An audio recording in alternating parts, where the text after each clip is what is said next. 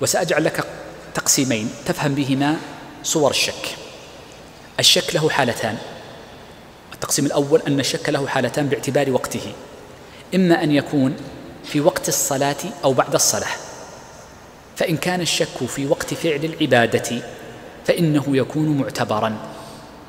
وسيأتي كيف يكون اعتباره والرجوع فيه. وإن كان الشك بعد انتهاء العبادة فإن من القواعد المقررة عند أهل العلم أن الشك بعد العبادة لا عبرة به. فمن سلم من الصلاة ثم شك هل صلى ثنتين أو ثلاثا أربعا أو ثنتين أو ثلاثا نقول لا عبرة بشكك. إذ لا عبرة بعد الشك بعد الشك بعد العبادة وهو الشك الطارئ يسمونه بالشك الطارئ. إذا العبر المؤثر هو الشك في أثناء العبادة. الشك في العبادة يقولون هو إما أن يكون شك في زيادة أو شك في نقص. إما شك في الزيادة أو شك في النقص. وصور الشك في النقص هو أن يشك في نقص ركن أو يشك في نقص واجب. إذا ثنتين يشك هل فعل الركن أو لم يفعله أو يشك في ترك الواجب أو عدمه. فإن شك في ترك ركن فعموما لأن لها استثناءات يبني على اليقين. وأقول عموما لأنه سيأتينا تفصيل بعد قليل وكلام الشيخ تقي الدين في المسألة. وأما إن شك في ترك واجب شك هل جلس للتشهد الأول أم لا؟ شك هل قرأ التشهد شك هل سبح أم لا؟ فإنه لا يسجد له سجود السهو.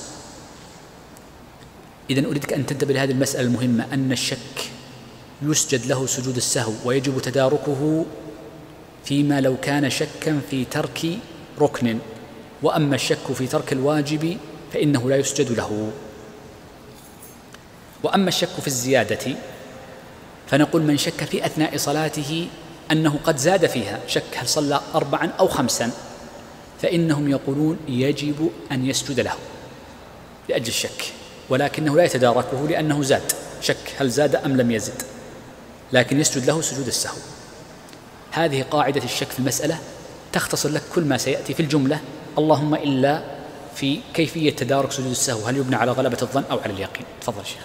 نعم قال ومن شك في عدد الركعات أخذ بالأقل. هذا شك في عدد الركعات باعتبار هل فعل أو لم يفعل فهو شك في النقص. وقوله في عدد الركعات هذا ركن فأكثر لأن عدد الركعات ومثله شك في ترك الركن. فكتركه.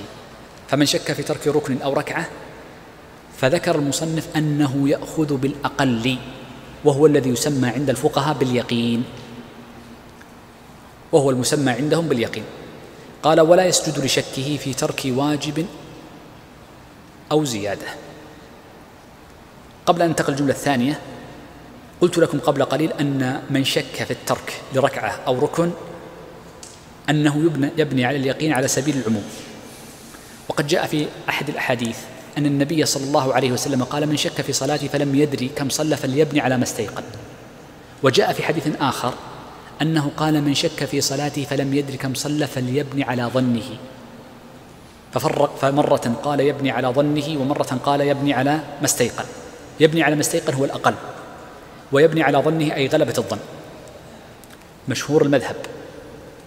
أنه دائما يبنى على اليقين إلا في صورة واحدة وهو الإمام. إذا كان خلفه من يقوي ظنه فيجوز له أن يبني على غلبة ظنه لأنه إن لم ينبهوه يدل على أن ظنه غالبا صحيح. ومن عدا الإمام فإنه يبني على اليقين. فأعمل الحديث باختلاف الأحوال. فالإمام له خياران إما أن يبني على اليقين أو غلبة الظن وغيره يبني على اليقين مطلقا. الرواية الثانية واختيار الشيخ تقي الدين أن العموم الإمام والمنفرد مخير إذا كان له ظن أن يبني على ظنه أو يبني على اليقين هو مخير. له أن يفعل كذا وله أن يفعل كذا. فأصبح الحديث من باب اختلاف التنوع اختلاف التخيير. هو مخير يفعل هذا أو ذاك. وليس على اختلاف الأحوال. لكن أريدك أن تعلم مسألة واحدة أن من سجد وقد بنى على اليقين فالأفضل أن يكون سجود السهو قبل السلام. ومن سجد وقد بنى على غلبة ظنه فالأفضل أن يكون سجود سهوه بعد السلام. وسيأتي بعد قليل. نعم. عفى الله عنه. قال ولا يسجد لشكه في ترك واجب أو زيادة. نعم. قال المصنف ولا يسجد لشكه في ترك واجب. في ترك واجب لا يسجد له مطلقا. وذكرت لكم قبل قليل أن الشك في الترك للواجبات لا يسجد له. قال أو زيادة. أريدك أن تعلم أن قول المصنف من شك في زيادة المراد بمن شك في زيادة بعد الفعل. أما من شك في الزيادة في أثناء الفعل فالفقهاء يقولون يسجد له سجود السهو. فهم فرقوا بين حالتين ولكن عبارة المصنف كانت موجزة.